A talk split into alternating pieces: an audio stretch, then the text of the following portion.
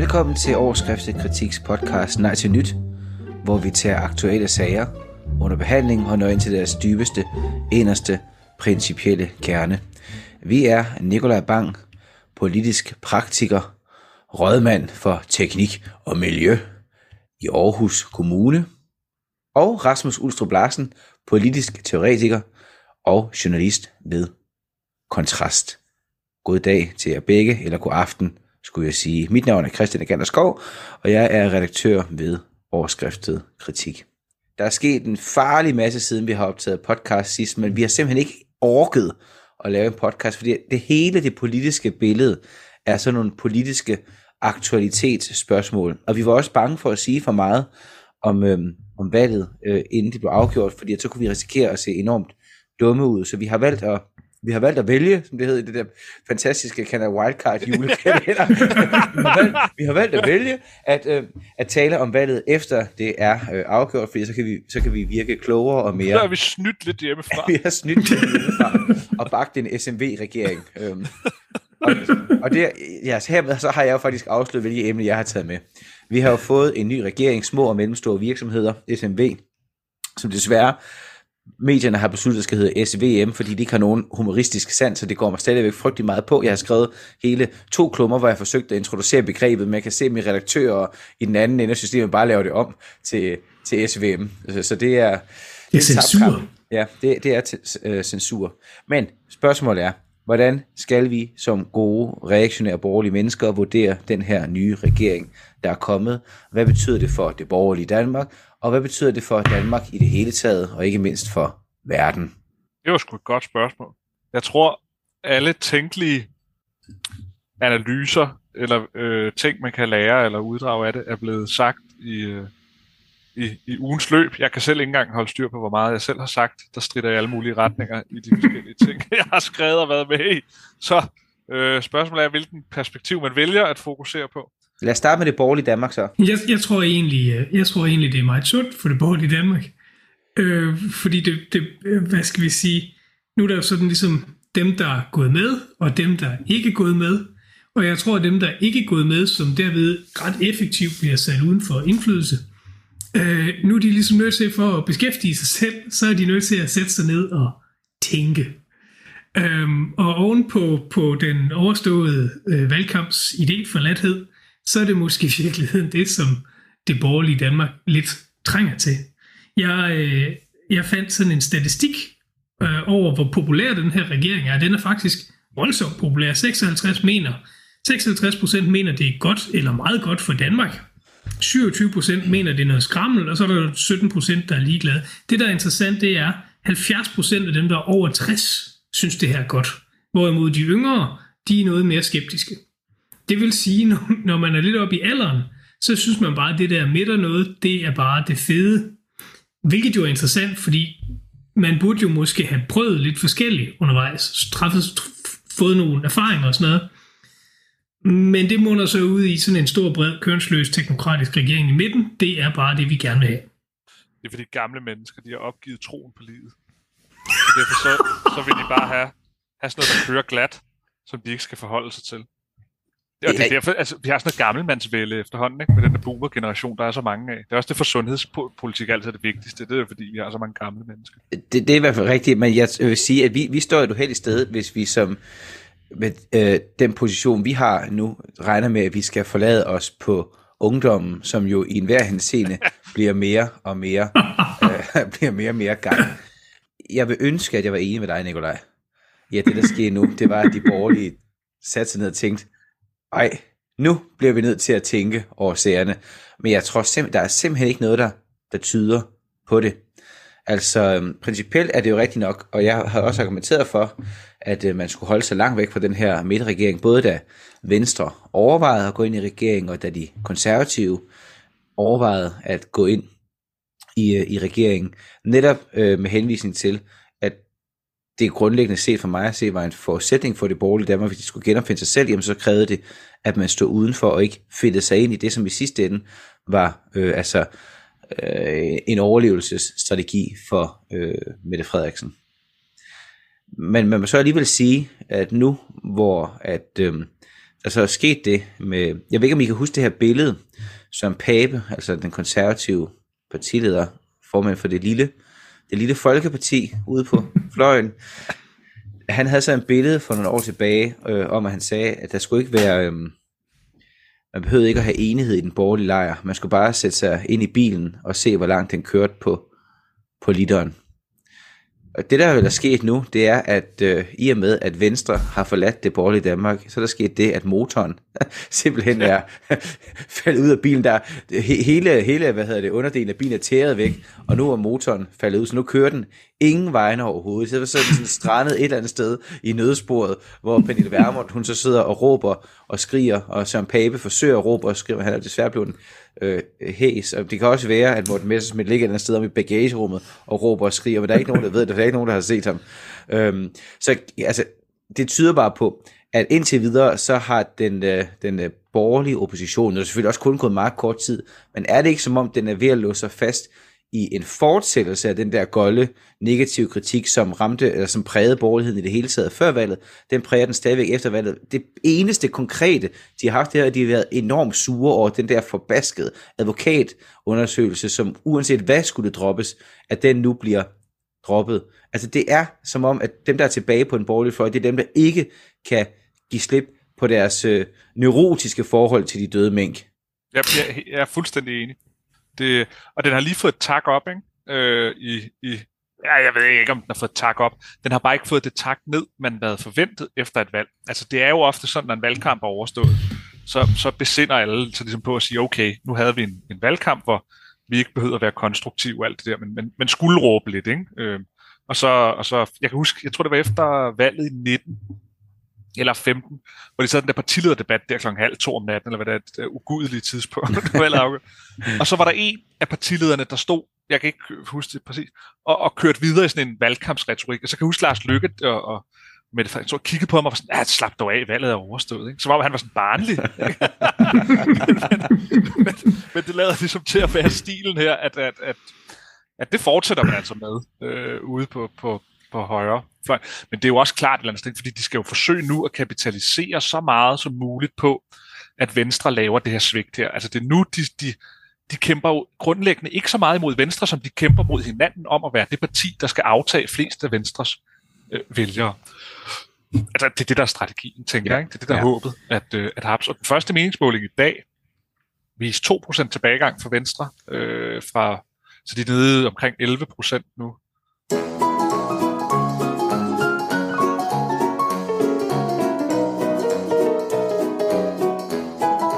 Og her var det så, der skete det, at der var et forfærdeligt teknisk uheld, som vi ikke ønsker at forklare nærmere. Men det, jeg spurgte om, da alting gik i stykker, det var, om det ikke i virkeligheden den meningsmåling, der øh, blev omtalt før det tekniske uheld, om det ikke i virkeligheden sådan, at den der marginale tilbagegang, der havde været til venstre, er det overraskende ikke, hvor lille den tilbagegang har været i forhold til, hvor meget nogen af os i hvert fald har råbt bål og brand. Altså, jeg, jeg er slået af, hvor stabil opbakningen faktisk er til det her meget, meget kontroversielle projekt. Og man kan selvfølgelig sige, at det er fordi, at Venstre har mistet deres vælgere før valget, men det er trods alt, så under, kommer man lidt til at underspille, hvor stort et skridt det var, Jacob Ellemann tog efter valget. Jamen, jeg tror sådan set, jeg tror sådan set ikke, man skal undervurdere det, at, at Venstre har blødt en meget stor del af det, som, som sådan umiddelbart er, er, er blødbar. Øhm, men, men jeg synes jo også, det, at man stort set fra den ene dag til den anden går 2% tilbage, det er dog noget. Øh, og noget af det, jeg så har, har stusset over, det er, der er en anden undersøgelse, der viser, at et sted mellem 80 og 90 procent af dem, der stemte Venstre sidste gang, faktisk bakker op om den nye regering. Hvilket jeg til gengæld synes er meget bemærkelsesværdigt, fordi en ting er, at man flytter en stemme, men, men at så mange faktisk bakker op om deres formands ret kontroversielle beslutning, som jo også fik en del modstand internt i partiet, øh, det synes jeg faktisk, det synes jeg er meget bemærkelsesværdigt. Der, der skal man jo huske, at da Lars Løkke gik ud med det der befrielsens øjeblik, altså ved valget i, øh, i 19, der gik Venstre jo frem. Altså, altså hans, da han lancerede projektet om en regering henover midten med Socialdemokratiet, så viste det sig faktisk, at der kom fremgang til Venstre. Så det har jo, øh, øh han bevise, altså det er jo, altså, hvor meget man kan bevise i politik, men han viste i hvert fald, med det træk øh, og den tilgang, der så kom af det, at det ikke nødvendigvis var en voldsom farlig manøvre på, på, på, på den sådan umiddelbare overflade.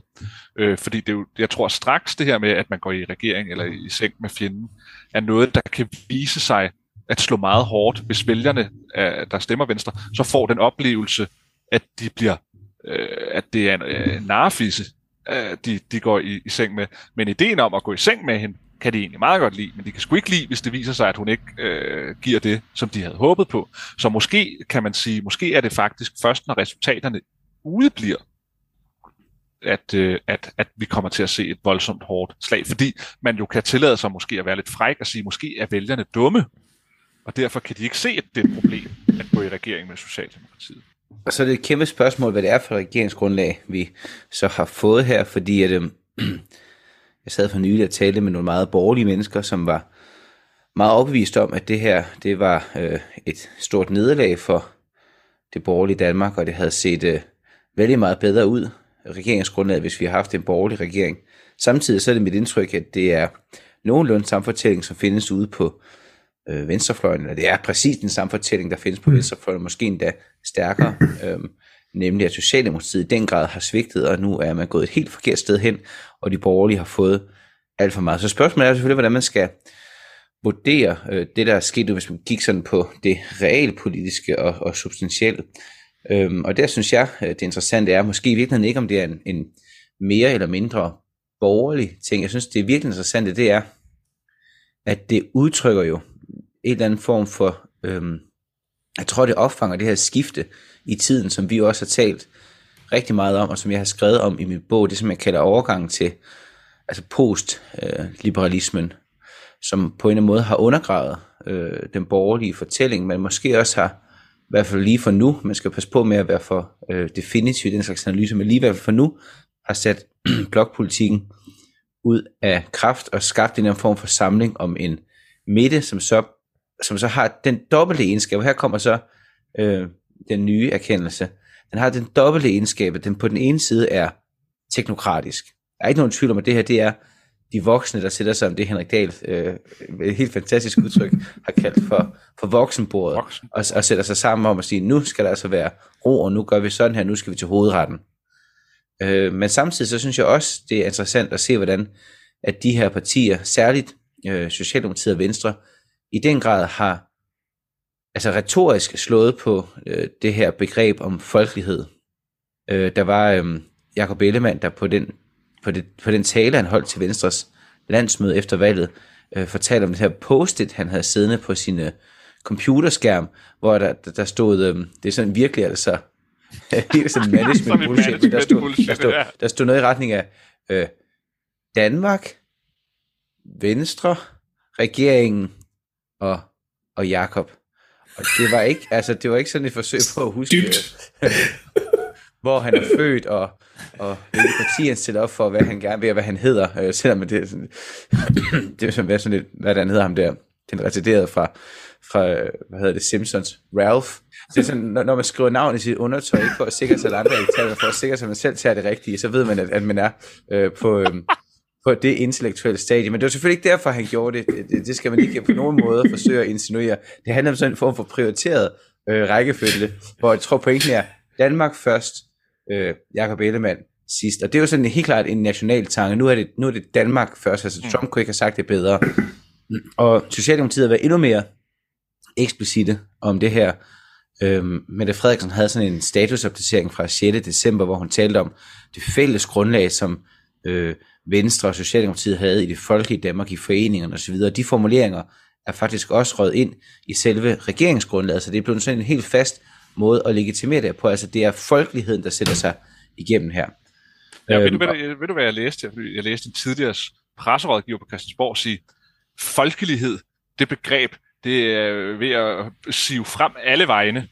Og, og, og der synes jeg jo, man skal sige kado til dig, her Skov, for at have været en af dem, der virkelig har introduceret begrebet som, som et, et, et, selvfølgelig har folkelighed som begreb altid eksisteret, men som et centralt begreb i de politiske overvejelser og analyser af den situation, vi står i, og det, der foregår i den politiske verden. Det, det øh, må man sige, har fået en voldsom opblomstring efter din, øh, efter din bog. Ja, det, tillykke, tillykke med, at du har fået lavet tak. en, en midterregering, Christian. Ja, det var det, jeg hele tiden har, hele tiden har kæmpet for. Øh, men der er også sådan, jeg, jeg, jeg, altså, det er jo frygteligt ubeskeden at sige det, men jeg, jeg synes jo, der er faktisk noget rigtigt over det. Men det er selvfølgelig også, fordi der var en situation, der ligesom viste sig at pege frem mod, at der var behov for os, altså der skulle være et begreb, der satte ord på noget, der var ved at ske, og der har man brug for et begreb, som på den ene side kunne sætte sig ud over modsætningen mellem altså socialisme og liberalisme, og på den anden side øh, dølge det her forhold, at det vi i virkeligheden så har fået derinde, det måske er en, en teknokrat regering. Så der, man kan sige, der bliver folkelighedsbegrebet måske brugt, øh, måske brugt mod hensigten, men på den anden side, det, og, og grund til, at jeg væver lidt, det er fordi, det er sådan en uafklaret situation, jeg tror, man skal forholde sig åben til, i hvert fald sådan rent analytisk og intellektuelt til, hvad der er, der sker. Men altså, på den anden side, så, øhm, så hvis man ser på den teknokratiske politik, regeringen så lægger op til at føre med det her meget, meget lange regeringsgrundlag, så selvom det vi hele tiden taler om lige nu, det er de her arbejdsudbudsreformer, selvom det sikkert også er det helt store, så er det bare alligevel slående, hvor meget øh, sådan, altså folkelige stråstræk konservative temaer fylder i det her program. Og jeg er bare ikke fuldstændig overbevist om, at de havde fyldt mere, hvis vi har fået en, øh, en ren borgerlig øh, regering. Så der er også et element af, af det, som jeg i, i bogen med et udtryk for Arthur Schlesinger Jr. kalder for det vitale centrum, altså det er en form for, det center, der sætter sig igennem på en ny måde for at øh, redde institutionerne, men, men også på en måde, hvor man forsøger at række ud af sådan en form for gold teknokratisme. Hvad det så bliver til i virkeligheden, det er så et helt andet øh, spørgsmål. Jeg tror, du har fuldstændig ret i, at vi ikke havde set noget, der lød ret meget mere borgerligt, hvis det havde været en ren borgerlig regering. Øhm, jeg, jeg sad og hørte, øh, jeg sappede tilfældigvis ind der, hvor, hvor øh, Ellemann holder sin del af det der trippelte pressemøde og fortæller om alle de der gode borgerlige ting, han nu har fået gennemført. Og jeg øh, tog det mig selv, så jeg sad og tænkte, det, det er da meget fornuftigt. Altså der mangler jo alt det der, der handler om værdier og mennesker og hvad der nu egentlig betyder noget, men hvis du ser på, hvad, hvad de borgerlige partier gik til valg på, så er der topskattelettelser, og der er nogle reformer, og der er noget, altså hvis du tager mængden ud af, ud af ligningen, som jo kom til at fylde uforholdsmæssigt meget, så var det jo det her, de gerne vil have. Det, det, var, det var ligesom ambitionsniveauet, og det er jo faktisk det, man nu i, i høj grad præsenterer. Så, så et eller andet sted kan jeg jo godt forstå, at en del venstrefolk tænker, det er da sådan set meget fedt det her, nu, nu får vi faktisk lov til at føre noget borgerlig politik her, som, som vi ikke havde fået med Mette Frederiksen. Øhm, hvis jeg ser lidt fremad, når jeg kan se, hvad, hvad, hvad vi begynder at se af, af problemer i det kommunale system, så tror jeg, der kommer til at være en dagsorden, som den her regering kommer til at blive et op af. Og det er mangel på øh, folk. Særligt i den offentlige sektor, men i samfundet generelt. Altså kvalificeret arbejdskraft alle mulige steder. Det bliver en dagsorden, der kommer til at ramme dem med fuld styrke lige om lidt. Og det bliver en dagsorden, som den med Lars Lykke i spidsen kommer til at gå all in på sådan en reformdagsorden, som kommer til at gøre rigtig, rigtig mange mennesker rigtig, rigtig utilfredse. Fordi det som, det, som fantasien rækker til, når det kommer til det her problematik, det er ikke sådan noget med, at sygeplejerskerne skal bruge noget mindre tid for en computerskærm. Det taler de altid om, at der sker ikke en pind. Det, det hele kommer til at handle om, det er, hvordan får vi folk til at arbejde mere. og hvis man har en lille bitte sans for, hvad der rører sig i samfundet, hvilke værdier jeg oplever, der kommer frem rundt omkring, så det er faktisk det stik modsatte. Og det bliver, det bliver en massiv udfordring for den her regering. Jeg, jeg synes, der er noget ret interessant i det, du siger. Jeg vil også lige vende tilbage til noget andet, du sagde i skov, men for lige at tage den der. Der er noget interessant ved øh, det her stor bededag-forslag. Mm-hmm. Nemlig, at det falder i en periode, hvor værdierne omkring arbejdslivet har rykket sig mere og mere hen af. Det er stadig lidt niche selvfølgelig, men vi snakker jo ikke om muligheden for, at folk skal arbejde seks dage om ugen. Vi snakker til gengæld om muligheden for, om man i forskellige kommuner og i flere virksomheder kan komme ned og arbejde fire dage om ugen. Så der har ligesom været en reorientering hen imod, hvordan kan vi få arbejde til at fylde mindre, fordi arbejde bare er et middel til det større mål, der er det liv, du lever ved siden af arbejde. Der er ligesom indfundet sig sådan en blød, soft sådan, øh, livsforståelse øh, af tingene. Hvor det her med at sige, hey, lad os lige sløjfe stor bededag, for så giver det et arbejdsudbud på 8.000 mennesker. At det, det, jeg tror, at grund til, at folk kan blive så irriteret over det, eller så vrede over det, er, at det, det, det er måske ikke så meget det, at man sløjfer stor bededag, men måske mere, at det er en form for tænkning, der i hvert fald ikke er en del af trenden, som vi er inde i, i forståelsen for, hvordan arbejde og fritid og arbejdsliv egentlig skal hænge sammen. Men det, jeg egentlig ville vende tilbage til hurtigt med, med dig, Skov, det var, det er ret interessant, synes jeg, det her med, at folkelighedsbegrebet er så udbredt, og det er så ekspliciteret i regeringsgrundlaget, selvom det jo ikke er ligefrem er folkelige øh, partier, altså, altså sådan, øh, det moderne venstre og moderaterne. Men jeg, jeg vil faktisk våge den påstand, så meget folkelighed betyder, at det har lidt samme kategori som demokratiet har sådan globalt set, ikke? at selvom du er i Nordkorea eller i Kongo eller hvad du er, så, så skal man legitimere sin styreform som, at den er demokratisk. Og på samme måde kan man sige herhjemme i den nationale politik, så skal du på en eller anden måde legitimere din politik i, på nær hvis du hedder radikale venstre, at øh, det er en folkelig politik. Øh, altså, altså det, det er blevet sådan et, du kan, ikke, du kan ikke undgå det. Der er sgu ikke nogen partier, der vil stille sig op og sige, at folkelighed, det er vi ligeglade med. Altså, det, det, det, det, det, det er nærmest blevet, du, du skal, det er det eneste, der er legitimt, det er, hvis du har en bund af folkelighed bag dit politiske projekt. He, helt enig, men, øh, og det, det er også derfor, det, altså, det er et begreb, som meget nemt bliver hult, fordi mm-hmm. det er mhm. så, så bredt.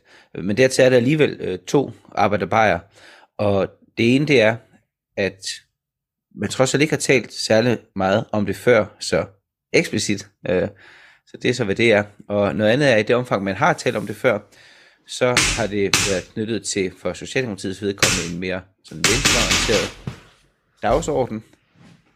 Nikolaj havde ved at knække ned, og kan jeg høre. jeg beklager, jeg har en stol, der knirker.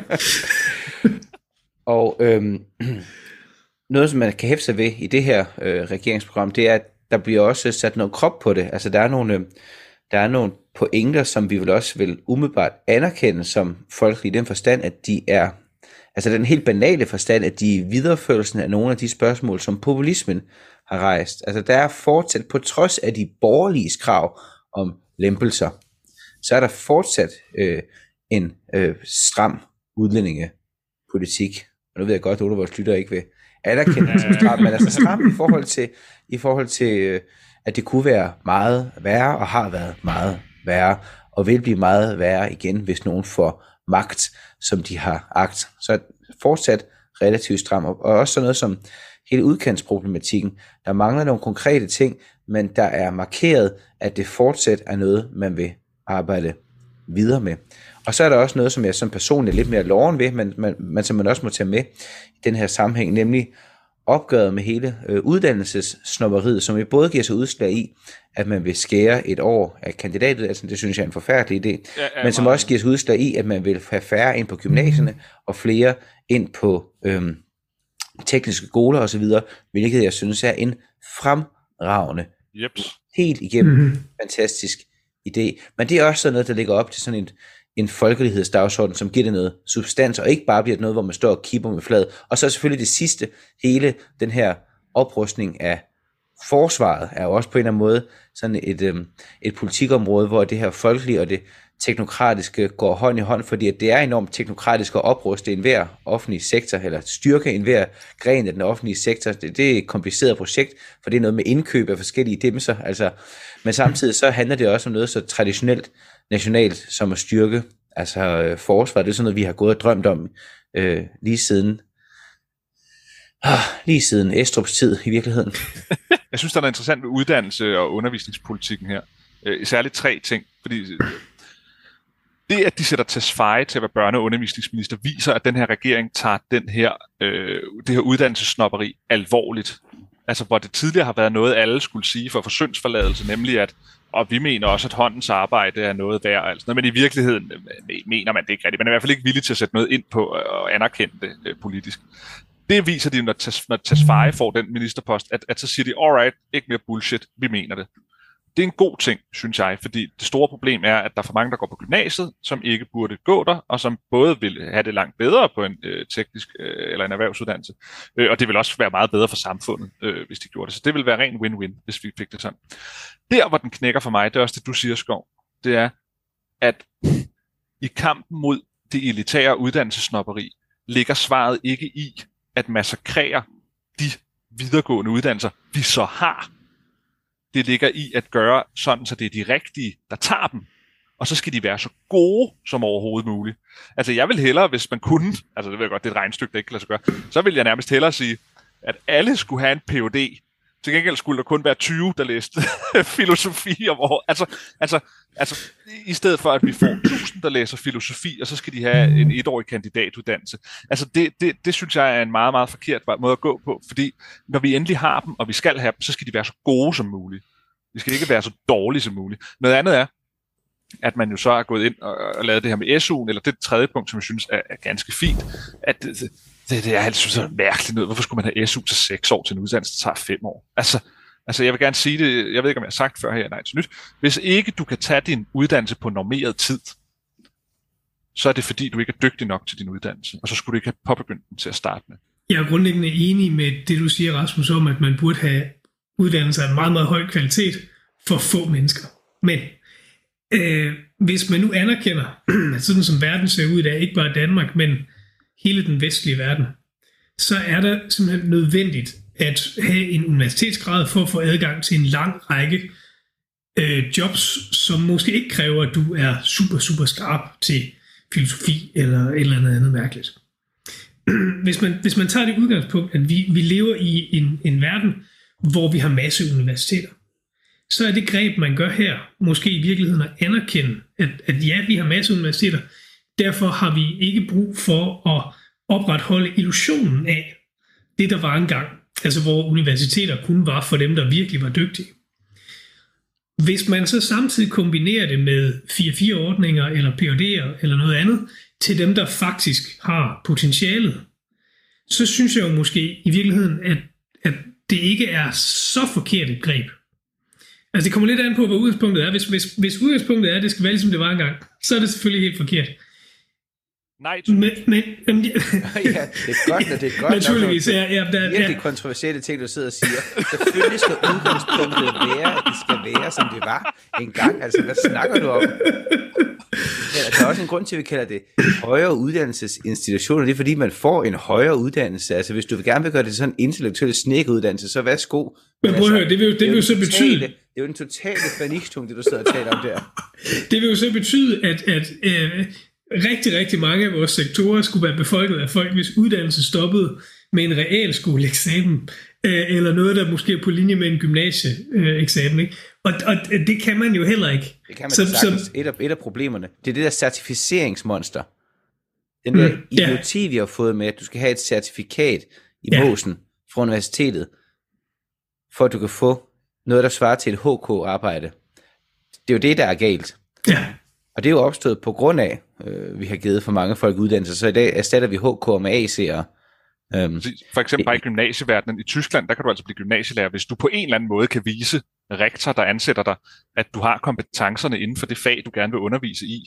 Hvor i Danmark, så, for, så kommer undervisningsministeriets øh, tilsyn efter de gymnasier, hvor de har været så frække at ansætte en, der mangler 10 STS-point i sit fag, men som så har haft en karriere i 40 år og udgivet bøger inden for faget, men han manglede altså de helt rigtige fag på universitetet, så nu kommer der bøder til gymnasiet for at ansætte vedkommende.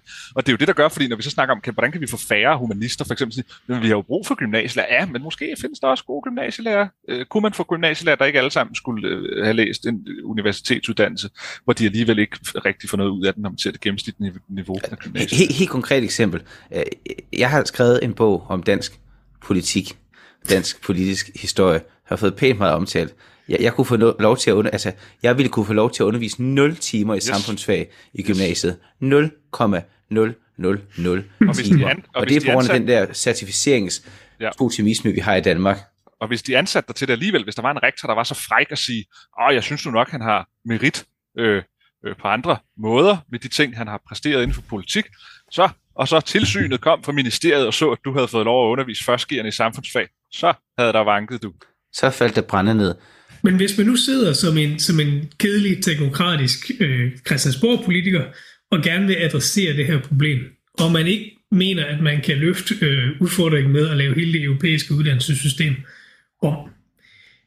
Hvis man tager det som udgangspunkt, så, så synes jeg jo måske ikke, at det er helt forkert greb at lave det her, hvis man samtidig sørger for, at der er en mulighed for, at dem, der faktisk har talentet til at blive forskere og, og komme lidt videre, de også har muligheden for det. du vender jo ryggen til hele det europæiske uddannelsessystem. Du gør op med den her Bologna-proces, hvor du har en meget, meget klar adskillelse mellem en rigtig kandidatuddannelse og en rigtig bacheloruddannelse.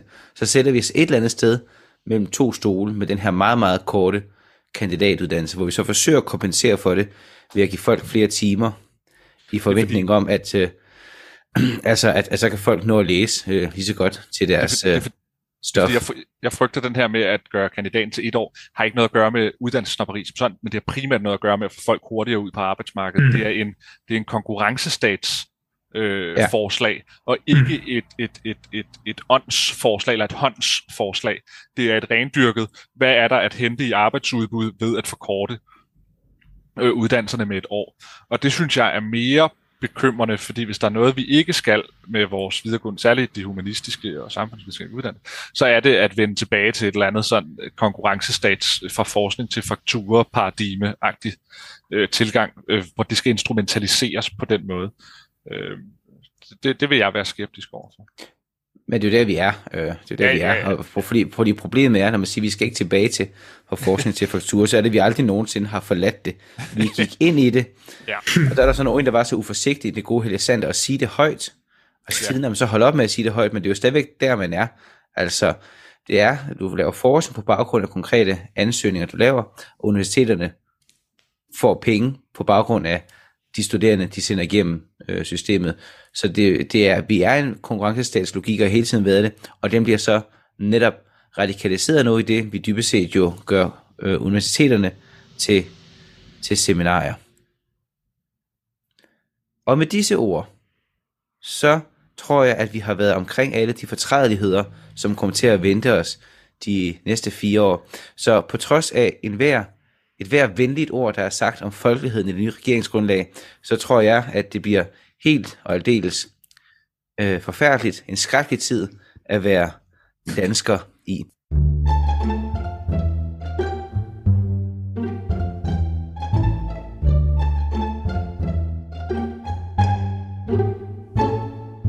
Til gengæld så er det snart jul, og nu skal vi snakke om jul, fordi det her det er jo nej til nyt med gløk og æbleskiver. Og øh, jeg vil høre dig, Nikolaj. Hvad har du at sige om jul? Øh, jeg har filosoferet lidt over det der med jul, fordi, fordi jul er jo gentagelsen. Øh, jeg har en søster, der bor i, i udlandet, og øh, hver anden år, så holder hun jul med svigerfamilien, og det er selvfølgelig helt forkert, fordi de får forkert mad, og de gør det forkert, og de har et plastik juletræ, og alting er faktisk galt. Øh, og når hun så er i Danmark, så insisterer hun på, at vi skal holde jul fuldstændig som vi gjorde, da hun var barn. Øhm, og det sjove er jo, at, at når hun ikke er hjemme, så snyder vi lidt. Så laver vi måske ikke and. Og, og, og, og altså, vi mødes, og vi har juletræ og alle de der ting og sådan noget. Men vi spiser måske noget, vi i virkeligheden bedre kan lide, end den der, den der and. Øhm, så det er ligesom om, at, at jo længere væk man kommer fra hverdagen, jo mere betyder den der tradition noget. Og det er selvfølgelig også, fordi hun gerne vil give den til sin datter, øh, og alle de der ting. Men, men, men det fik mig sådan til at filosofere over, hvor meget en, en, en rituel tradition i virkeligheden kan komme til at betyde for folk. Øhm, og, og også, også fordi min søster nok i virkeligheden ikke sådan er den mest øh, sådan, øh, hvad hedder det, sentimentalt anlagte menneske, jeg nogensinde har mødt. Og derfor er det, er det bare særligt interessant at, at observere, at det her virkelig betyder noget for hende. Øhm, så, så, så jeg kom sådan til at tænke lidt over traditioners værdi i menneskers liv, hvis man så skal trække, trække julen op på lidt mere principielt plan. Jeg var til en, øh, kom sammen med en præst fra Aarhus, der Anders Thyring, meget, meget klog mand, øh, til en samtalesalon i FOF-regi i Aarhus. Og han sagde, øh, det handlede om mistrivsel blandt andet, og hvorfor det er så svært at finde greb om, om tilværelsen. Og så sagde han, at vi mangler en meget mere udpræget ritualisering af livet. Altså forstået på den måde, at ritualer jo altså tjener et formål, ligesom normer tjener et formål, og traditioner tjener et formål, nemlig at reducere kompleksiteten i de øh, sfærer, der er meget komplekse. Grund til, at det er vigtigt at have faste traditioner til jul, det er fordi, vi skal mødes med vores familie og vores svigermekanik og alle de andre, som meget nemt kan udvikle sig til, at vi råber af hinanden. Og derfor er der enormt meget brug for nogle faste ritualer til, at man kommer uskat igennem den aften. Og i takt med normopløsningen, eller normsambruddet i samfundet, så er øh, alle traditioner blevet individualiseret, den måde vi holder jul på er blevet individualiseret, som gør, at hver familie fejrer jul på deres måde, som gør, at øh, at det jo er blevet lidelsesfuldt øh, og, og hans svigerfamilie. Ikke? Altså det, det ville jo være meget mindre lidelsesfuldt at hans svigerfamilie tidligere, hvis alle bare vidste, øh, hvad det ligesom gik ud på, når man skulle igennem øh, svigermekanik komme sammen. I dag der skal man sidde sådan autentisk og, og kunne lide hinanden, men, men, men det er idealisme. Men fejrer, er det virkelig rigtigt, at alle fejrer i virkeligheden jul på deres samme? Er det ikke sådan, ja, øh, altså, jeg kan godt købe point. Jeg køber helt klart den generelle pointe. Begge, mm. begge de her generelle pointer. Men især uh, selvfølgelig det her med, at vi har brug for at ritualisere uh, de der rum, som vi uh, befinder os i, med mennesker, som vi ikke befinder os i. Særligt til det er godt med faste rammer om, uh, om alting. Men jeg, jeg, så jeg er meget... Jeg er meget fortrøstningsfuld, når det, øh, når det drejer sig om, om julen og de traditioner, der knytter sig dertil, fordi at det er stadigvæk sådan, tror jeg, at alle gør nogenlunde det samme. Og grunden til, at det så er så forfærdeligt, når to familier skal flette sammen, og det skal de jo i ny og næ, øh, så er det vel fordi, at det er sådan er små variationer over samme tema, hvor at man så i begge familier opfatter det som den mest, altså typisk som altså den mest måske ikke sådan i streng forstand, men, men lad os nu lige sige det, den mest autentiske måde at fejre en rigtig god dansk øh, jul på, fordi at det, som man søger tilbage til, det er det, man oplevede i, i barndom, fordi julen er sådan en, altså en, en barndomskultisk fest på en eller anden måde. Så det er den evige gentagelse af en tradition, som viser tilbage til øh, krybben i Bethlehem, men det er så sandelig også en evig gentagelse til en tradition, der viser tilbage til hvordan verden var i begyndelsen af 90'erne, eller begyndelsen af 50'erne, eller hvornår det nu var, man var barn. Og så er det så, at der kommer de her røvhuller fra den anden side af familien, som man er kommet til at gifte sig ind i, som har nogle helt forkerte, eller sådan halvvejs forkerte, hal, halvvejs forkerte ritualer, hvor man gør tingene i den forkerte rækkefølge, hvor man måske ikke har de samme traditioner for at synge, eller man måske synger de forkerte sange, eller, eller man synger for mange af versene, eller for få af versene, eller at man øhm, øh, har pakker gaverne op i stedet for at skiftes til det, eller at mm. man ikke øh, øh, alle sammen anerkender det, øh, den enkelte nu får, men fordi man bare sætter sig og tager sine gaver, og så begynder man at pakke dem op, så snart man har fundet dem under træet, og så siger man, nå, fik du noget? Ja, ja, og så er det ligesom overstået. Ikke? Altså, altså der, der, der er mange måder at være primitiv på i, øh, i, i den slags øh, selskab. Det er derfor løsningen er, det er lidt ligesom med navne.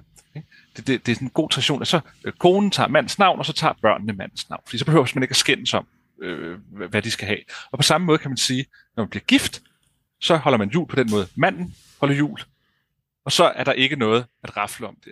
Du rører ved noget af det helt væsentlige der. Jeg tror at rigtig mange af de problemer, der er, når man skal flette traditioner sammen, det er, at der ikke er en højeste instans Præcis. at appellere til. Mm. Og det er både fordi, at der er en, en mand og en kone, som kræver lige autoritet, mm. hvad de aldrig nogensinde kan være. Der kan kun være én Gud. Sådan er det i enhver sammenhæng. Alt andet, det er politisme. Så de kræver hver især samme værdighed, ja. og, og det er en, altså, det er ligesom Rusland og Ukraine, det er en opskrift på, ja, på, det er nemlig. Det er nemlig, på, på, det er nemlig. på, på konflikt. Og så bliver det endnu værre, så bliver det endnu værre, fordi at vi heller aldrig nogensinde bliver voksne. Så der sidder fandme også nogle forældre, som mm. også har ja. en idé om, at der skal fejres jul på en særlig måde. Og dem er der jo endnu flere, altså dem er der mindst to af til hver øh, part i ægteskabet, hvis det er et nogenlunde traditionelt ægteskab. Øhm, mindst, øh, mindst to. Så de kommer med alt deres, og så kommer hver især øh, inden, for, inden for den nye familie også med, med hver øh, deres. Hvis det nu var sådan, at tingene fungerede, det gør det jo heldigvis mange steder, men, men nu kan man høre, hvordan det skal være, når det fungerer, så er det naturligvis sådan, at i den nye generation, det er dem, der ligesom er værter for det. Hvis vi siger, at den nye generation er værter for det, så må det være dem, der bestemmer. Ja. Mm. Så skal Præcis. farmor og farfar, morfar og mormor, ja. så skal de tige stille. Men det kan de kun gøre, fordi der er en implicit kontrakt Præcis. om, at næste generation viderefører Præcis. de autentiske traditioner. Så næste generation skal fande med os, undskyld, skal sørge med også, lade være med at pynte juletræet i kun én farve, eller et eller andet andet vanvittigt brud på traditionen, eller, eller, eller servere forkert mad. Altså, de har også en forpligtelse. De skal allerførst gå i hovedet for traditionen, fordi at så kan den ældre generation vide, at det vil blive videreført helt og udeleligt. Og hvis så snart folk stiller spørgsmålstegn, det er det der er problemet, folk stiller spørgsmålstegn, der er tvivl, og når der er tvivl, så er det alles kamp mod alle. Der må Yes. ikke være tvivl. Alt skal være mejslet i sten og skrevet på himlen med flammeskrift. Ja, fordi det handler lidt om, om det er meget, nu laver vi selvfølgelig lidt sjov og, og overdriver ting. Nej, øh, nej.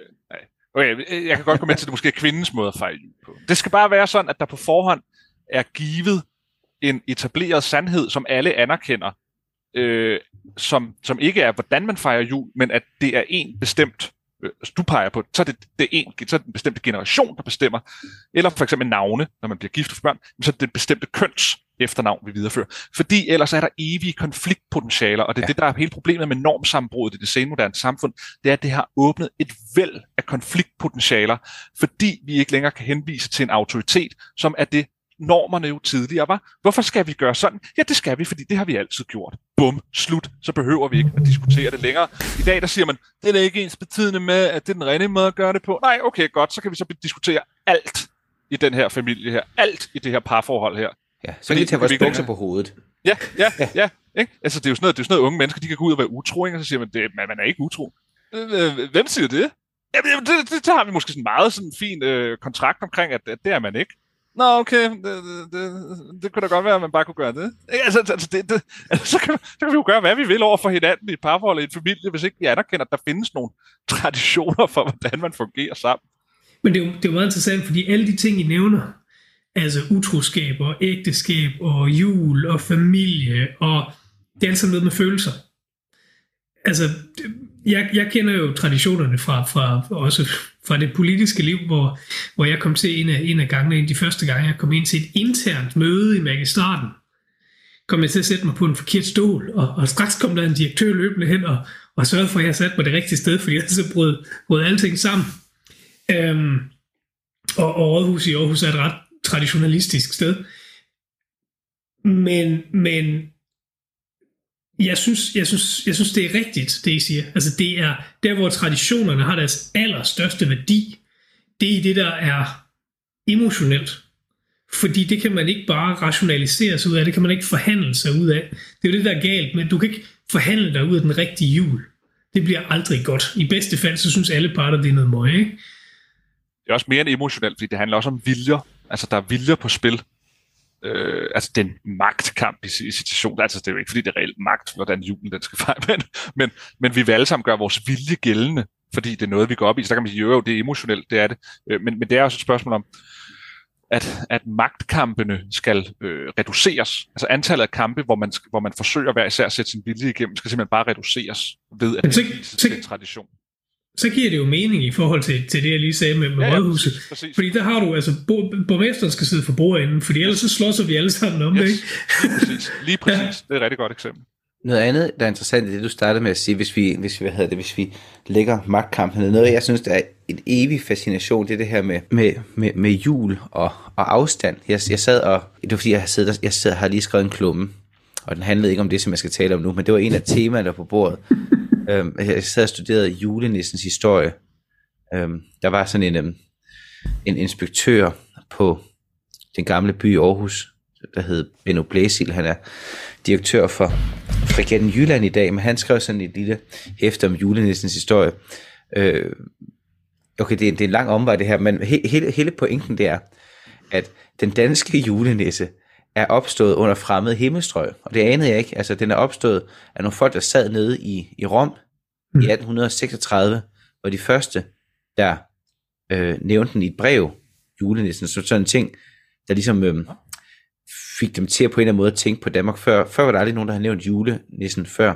Og den første bog, der bliver skrevet, den første gang, at julenissen bliver nævnt i en offentlig sammenhæng i Danmark i en bog, det er 1862 i den bog, som alle børn kender, der hedder Ved nytårstide i Nødebro Præstegård, øh, af den øh, store konservative teolog Henrik Scharling, øh, som ja, vi kender i øh, teaterudgaven, som er så den, der blev filmatiseret i tre omgange. Først i en stumfilmsudgave i 11 eller sådan noget, og så den gode med Hans Kurt i 1934, tror jeg, øh, og så den, den forfærdelige nye fra 1900 og noget og 70, den med farverne. Nå, men det er der ordet bliver nævnt første gang, og hvor er Henrik Scharling, da han skriver den her bog? Han sidder nede øh, i en båd på Nilen, og sejler frem og tilbage dernede. Så der er et eller andet helt vildt fascinerende i forhold til det med autenticitet, at, at, at, at julen som sådan, hele, hele vores fortælling om julen, er skabt af folk, der har siddet langt, langt væk og haft det mest forfærdelige hjemme og nostalgi. Hvilken en af Nødebo Præstegård-filmene synes du er bedst, Nikolaj Bang? Det er et ondt spørgsmål. Du er et ondt menneske. Fordi I ved jo godt, I ved jo godt, at jeg er, jeg er sølle. Jeg er så sølle et menneske, så jeg faktisk ikke har set nogen af dem. Du har slet ikke set nogen af dem? Nej. Nå, men så lad os snakke videre om det skovsag, så fik vi lige plads. Der er en i nede på Præstegård, en af de tre brødre, som det handler om. Han hedder Gamle, og det er fordi, han, er sådan, han har studeret helt vildt lang tid. det kunne være dig. Faktisk, det ved jeg ikke, om I ved, men de der nisser, udover at de jo oprindeligt kommer fra, formentlig fra de romerske husguder, øh, da de møder sådan en, en nordisk, underjordisk, øh, sådan en troldeagtig tradition, så bliver det til det, vi kender som nisser. Og den oprindelige nisse, det var sådan en, det var sådan en, en, en kolerisk ældre mand, som sad op, op på gårdens loft. Og hvis ikke man gav ham grød, så brændte han gården ned, fordi han i virkeligheden var sådan en ondsindet skider. Ikke? Og det er lidt, I er lidt nogle nisser nu, det er jeg nødt til at sige. Det, det lyder slet ikke for mig. Jeg siger, at det er fuldstændig, fu, fuldstændig rigtigt, at det forholder sig, sig sådan. Og, og, og det er bare lige en, en betragtning.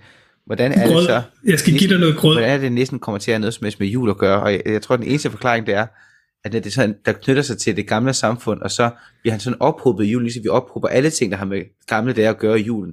Altså det er også den eneste grund til, at vi spiser pebernødder til jul. Det er fordi, det er sådan en oprindelig småkage, og så har man bare sagt, at alle de oprindelige ting, dem, dem tager vi til, til jul. Så det vi spiser gammel mad, spiser gamle småkager, og tror på de nisser, man troede på hele året. De er bare, altså, det er sådan en lille ja, ja. eventyrlig parentes af smuk, kondenseret fortid. Det er også derfor, det er så hårdt, når man bliver teenager og ældre, fordi den der affortrylling af, af julen, den ligesom sådan langsomt sætter ind, og så bliver man sådan mere og mere sådan, nå, der er slet ikke noget magisk ved den, det er bare en social konstruktion, vi har gang i her. Ved I, hvad den ultimative affortrylling af julen det er? Det er første gang, man skal være julemand. Det har aldrig været. Det er sådan, Sankt Nikolajs han dør. Det er, når du selv skal træde ind i den rolle, så forsvinder alt smukt og fortryllet ved julen, når du tager den røde kappe på, og det, og det støde vinylskæg. Det er en redsom oplevelse.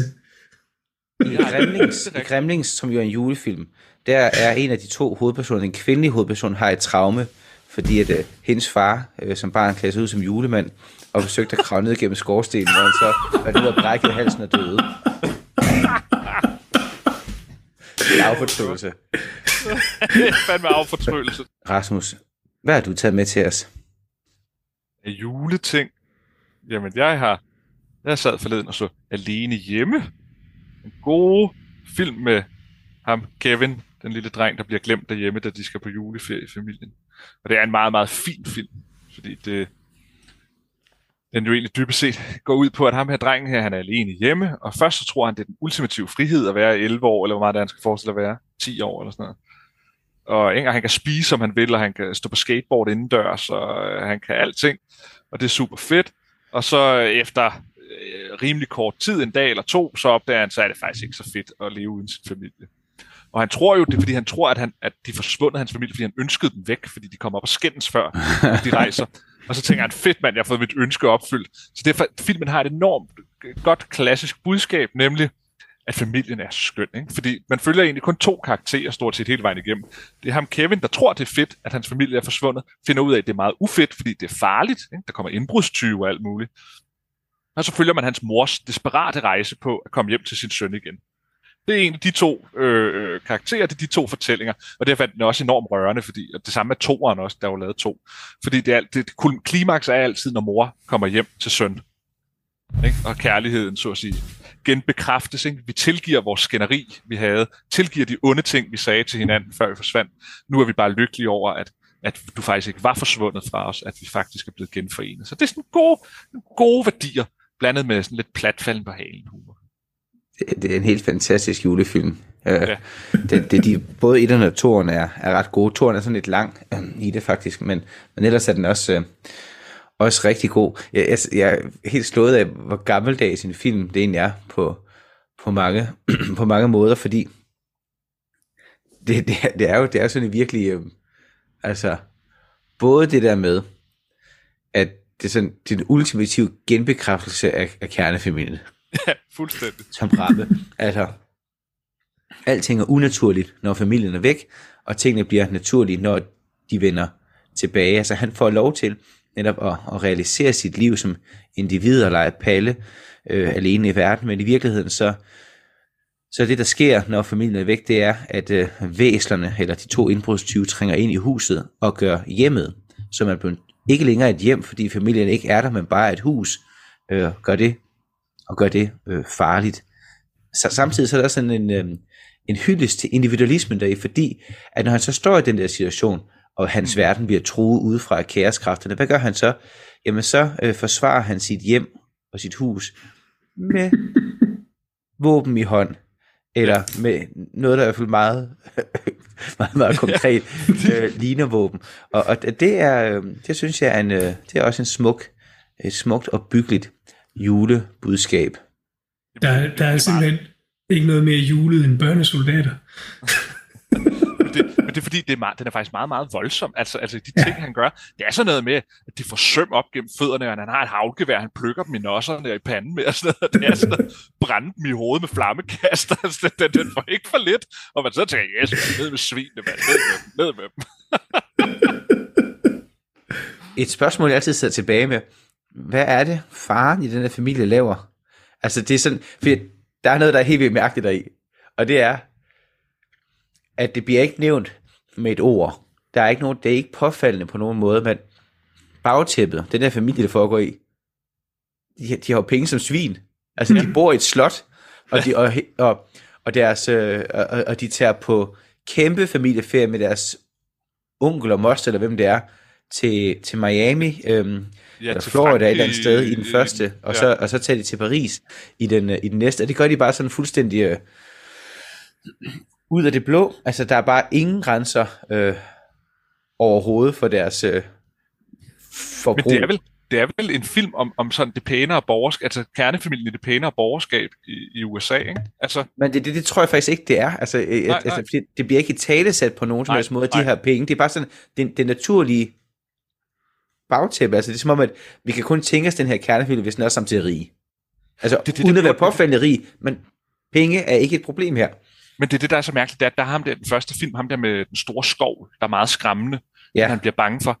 Og han ligner jo en meget øh, hærdet mand, der har levet et hårdt liv i, i måske sådan de lavere sociale klasser. Og så finder man ud af, hey, jeg er bare din nabo. Og man tænker, wow, okay, bor ham der øh, uh, fugleskramsel med, den, med den kæmpe skovl, bor han i sådan en slot?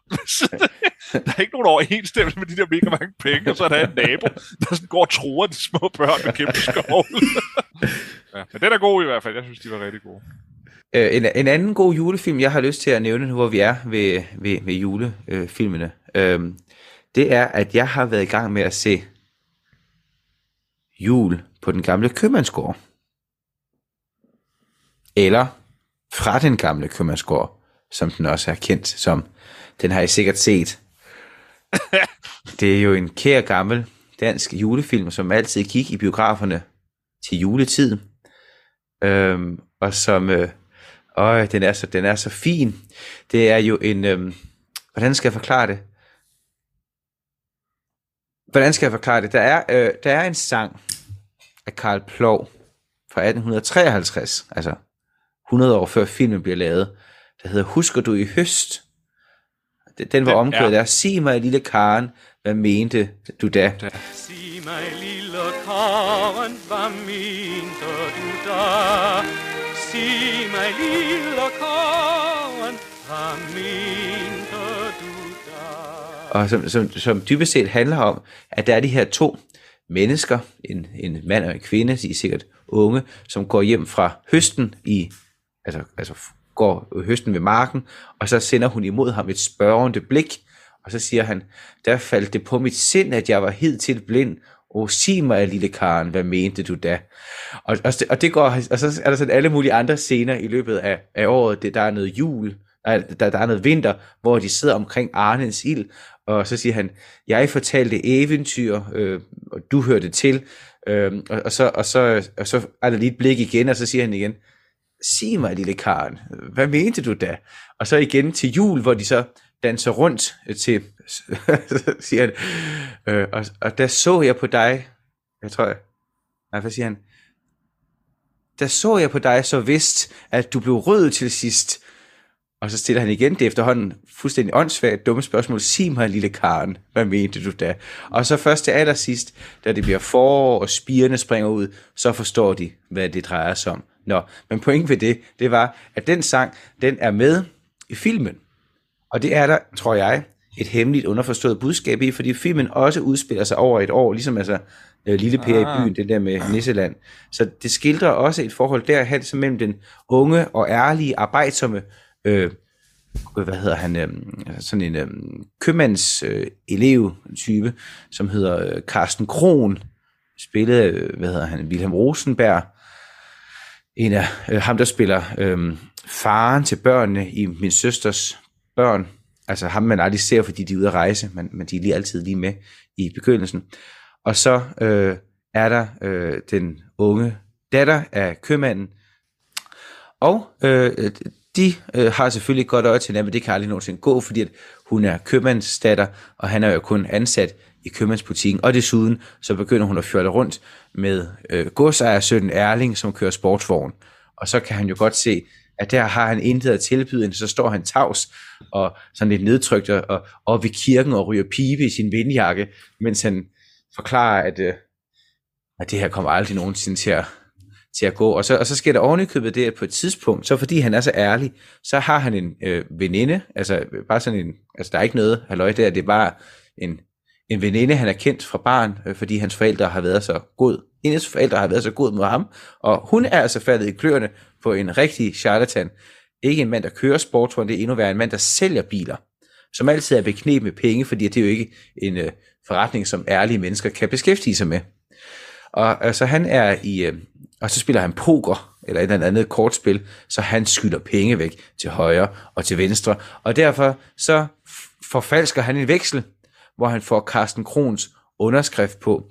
Og det får så folk til at tro, og nu afslører det hele, men det er også okay, det får så folk til at tro, at Carsten Kron er pengeproblemer, hvorefter det så gennem nogle forviklinger, så tror folk, at han er taget af kassen i købmandsbutikken. Og så er der ellers skandale løs, ja. i den lille by. Og han bliver hurtigt renset, og altså den der anklage bliver, der er aldrig rigtig nogen, der tror på den, ikke engang købmanden, men han, alene det, at købmanden nævner det, får så Carsten Kron til at forlade byen, fordi nu er hans ære blevet krænket, og han er en ærlig mand, og en ærlig mand er også en ærekær mand, som ikke kan tåle den slags angreber, så er det hele helt håbløst, og så er det først til jul, at det hele løser sig, og så sidder de i kirken og synger salmer, mens kameraet panorerer op mod himlen, og man ser julestjernen, og så toner det hele ud, og så er alt endt lykkeligt og godt. En meget, meget smuk film, som man bør se øh, hvert år, øh, fordi i gamle dage gik den i biografen, og det er dansk, og det er dejligt.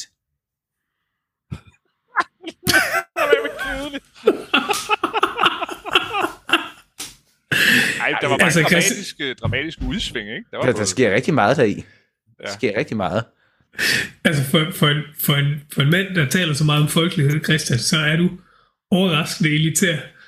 Det der er en meget folkelig film. Ja, det er en meget folkelig Det er en meget, meget, meget, meget folkelig, øh, folkelig film, og der er også sådan noget comic relief i. Altså, der er sådan nogle folk, der spiller på skøre øh, instrumenter, og der er endda, en, øh, der er endda et, øh, et halvvalg i, øh, altså et høstbal hedder det. Det er der, hvor øh, de synger Sig mig, lille Karen. Det bliver spillet af den øh, blinde organist Johannes, som åbenbart var en stor stjerne dengang. Har en meget, meget flot stemme. Det er også ham, der er øh, spiller organisten i kirken, så man får også til at høre ham til, til sidst. Men øh, det handler simpelthen om at redde den gamle købmandsgård og alle de dyder, som den repræsenterer. Og det viser sig så heldigvis, at, øh, at øh, Ida, som hun hedder, købmandens datter, får naturligvis Karsten til sidst, fordi det er ham, der repræsenterer de dyder, der kan videreføre købmandsbutikken. Og denne måde, det sker på, det er, at Ida har en gammel bedstemor, som bor op på loftet. Øhm, Og så har hun har sådan en stok, hvor hun banker ned i gulvet med, og så kommer folk op og hjælper hende, sådan nogle tjener og sådan noget. Og så siger hun på et tidspunkt, at nu skal Carsten Kron gå ned og pynte juletræet. Og så får han sørget for, at Ida kommer hen, hvor han er i gang med at pynte juletræet. Og så møder de hinanden igen, og så bliver alt godt. Så hun er skæbneguden. Og det der er pointen her, det er der den smukke pointe. Og det er det, jeg jo har skrevet klumme om til Berlinske. Der kom sløjfen. Det, der sætter sig igennem her, det er strukturerne. Det er båndene, der binder.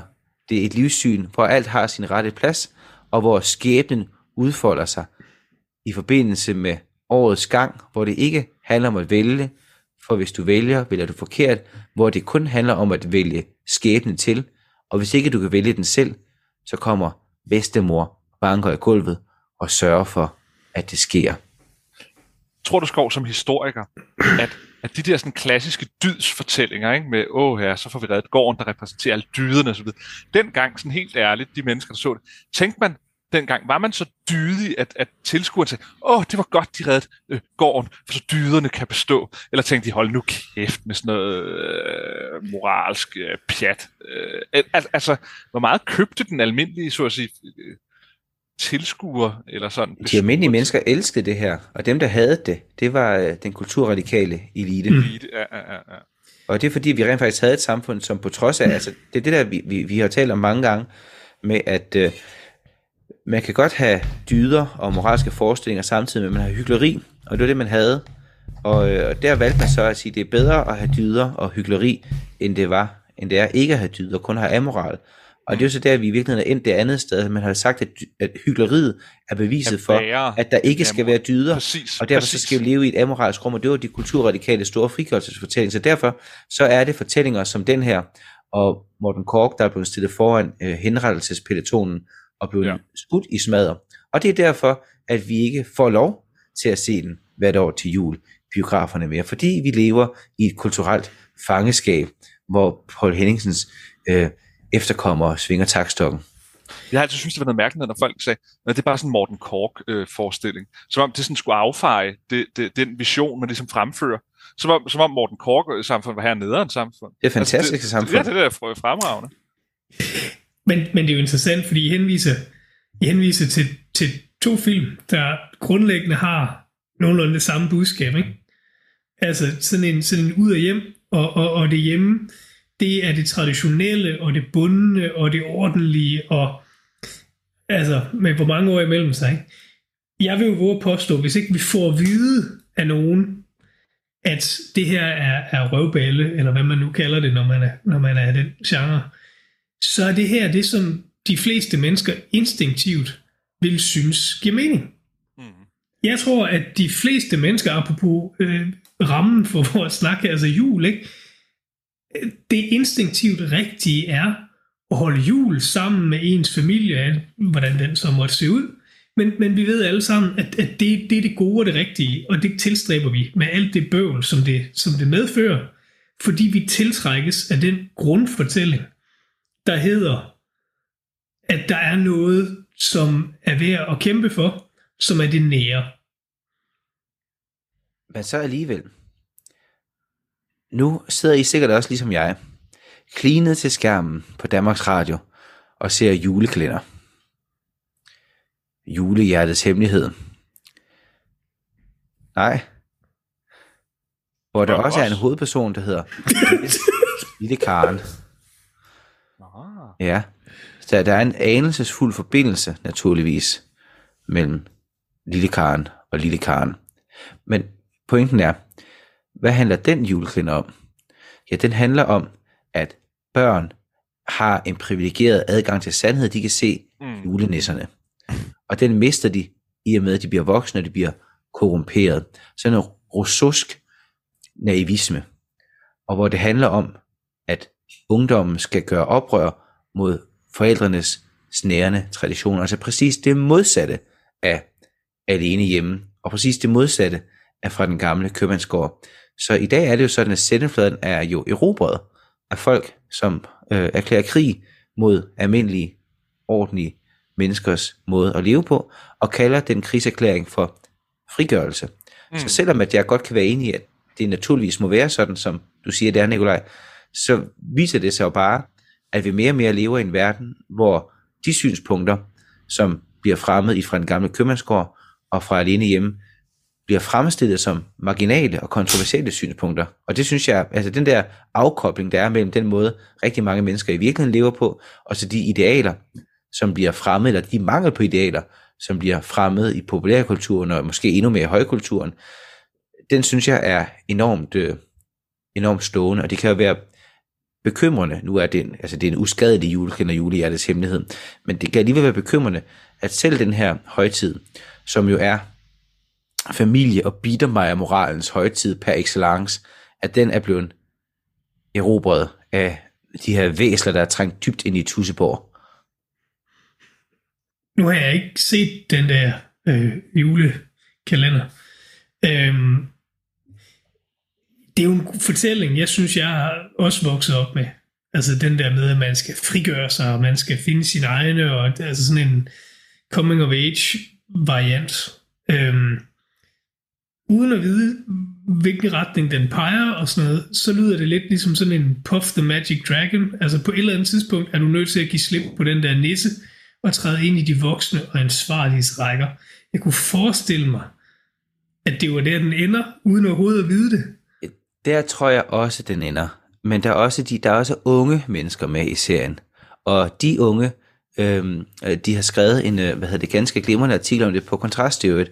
De unge, de øh, stjæler fra deres forældre og gemmer sig, bare fordi at forældrene vil tvangsskifte øh, øh, pigen for at redde øh, godset. Og, og der vælger øh, den kvindelige, ikke den kvindelige hovedperson, men en af de andre øh, ledende kvinder i serien, den unge godsejer øh, øh, Marie Louise, eller sådan noget, tror jeg, hun hedder, der vælger hun at stikke af øh, med øh, de penge, som hendes forældre har fået i brude, øh, hvad hedder kan man sådan, brude, brudepenge, som de skulle have brugt til at godset kunne overleve på, og, og, og så må de flytte fra hus og hjem, og hele bedriften overgår øh, til en, øh, en, en ond mand, en ung mand, der hedder Åge af Jungs hoved. Og det er da i den grad egoisme. Det kan godt være, at øh, der er noget rigtigt i det her med, at man mister sin barnlige uskyld. Men så kommer man så ind i den her nye ungdomsrolle, og den ungdomsrolle, vi så dyrker nu i julekalenderen, det er, som det meget rigtigt blev fremhævet på kontrast, det er Greta Thunberg. Man vokser op til Greta Thunberg, som står i en kamp mod den ældre generation, som enten er ond eller udulig. Det er de to muligheder, som man bliver præsenteret for i julehjertets hemmelighed. Ja, gå ind og læs den på kontrast. Vi smider et link til den. Ja. Så vil, jeg, så vil jeg gerne komme med min kulturelle anbefaling, som selvfølgelig er den bedste julefilm, der nogensinde er lavet. Uden sidestykke, der er ikke noget at komme efter. Det er et faktum. Det er en film, der handler om, om kærlighed, og om, om, øh, om en skurk, der vil, der vil stjæle julen, og en held, der skal grule meget ondt igennem. Der er referencer til julemanden, øh, og, og, og der er traditionelle kønsroller. Der er en stærk mand og en damsel in distress, der skal reddes. Øh, den har det hele. Og så er der selvfølgelig en skurk, der bliver smidt ud af vinduet til sidst. Og det er selvfølgelig Die Hard, som må varme et hvert koldt julehjerte i sin urheroiske fortælling om, os, og det starter jo med et skænderi i virkeligheden mellem helten og, og, og, og, og heldinden. Men, men efter de har set, hvor ond verden kan være omkring dem, så finder de jo sammen igen gennem heroiske gerninger. På trods af, af, af den splid, der altid må være i en familie, så tilvælger man med livet som indsats hinanden. Det er da det smukke julebudskab, pakket ind i Bruce Willis og en masse blod og maskinpistol. Den er god. Dig har godt. og jeg er jo grundlæggende enig, det er jo en dejlig film. Jeg synes bare, jeg synes bare, at julen handler om at kigge indad til det, vi har at bære på som nation, og ikke beskæftige sig med alt det fremmede og det amerikanske. Alt det, der ikke hører til i vort gamle fædreland. Og derfor så irriterer det mig, når folk har Die Hard som deres yndlingsjulefilm, eller andre amerikanske film. Jeg kan sådan lige, jeg kan sådan, jeg kan sådan lige acceptere et juleeventyr Øh, men det er så også, det er så også alt. Men ja, ja, det er da en god film, Nikolaj. Det er da en god film. Men du burde hellere se fra den gamle købmandsgård, eller Nødebo Præstegård. Den gamle Nødebo Præstegård. Som... Hvis, vi nu får, hvis vi nu får indspillet øh, Die Hard i sort-hvid, øh, og hvis de taler lidt antikveret, kan du, kan du så være med? Ja, hvis det bliver en god dansk film om en, en mand, som har en bondegård, som, som, bliver, som bliver indtaget af nogle farlige øh, kulturradikale terrorister inden for byen, og så bliver han nødt til at frelse bondegården og redde den, sin atråd, den yndige bondedatter Karen, som er fanget ude i stallen af, af nogle af, af de her kulturradikale terrortyper. Den film vil jeg gerne se. Den vil jeg gerne se. Jeg tænker, vi kan, vi kan sige til publikum, at, at hvis, de, hvis de donerer lidt til, til overskrift kritik, eller, eller melder sig ind, eller et eller andet, så lover vi at bruge øh, et marginalt beløb til at indspille den her film.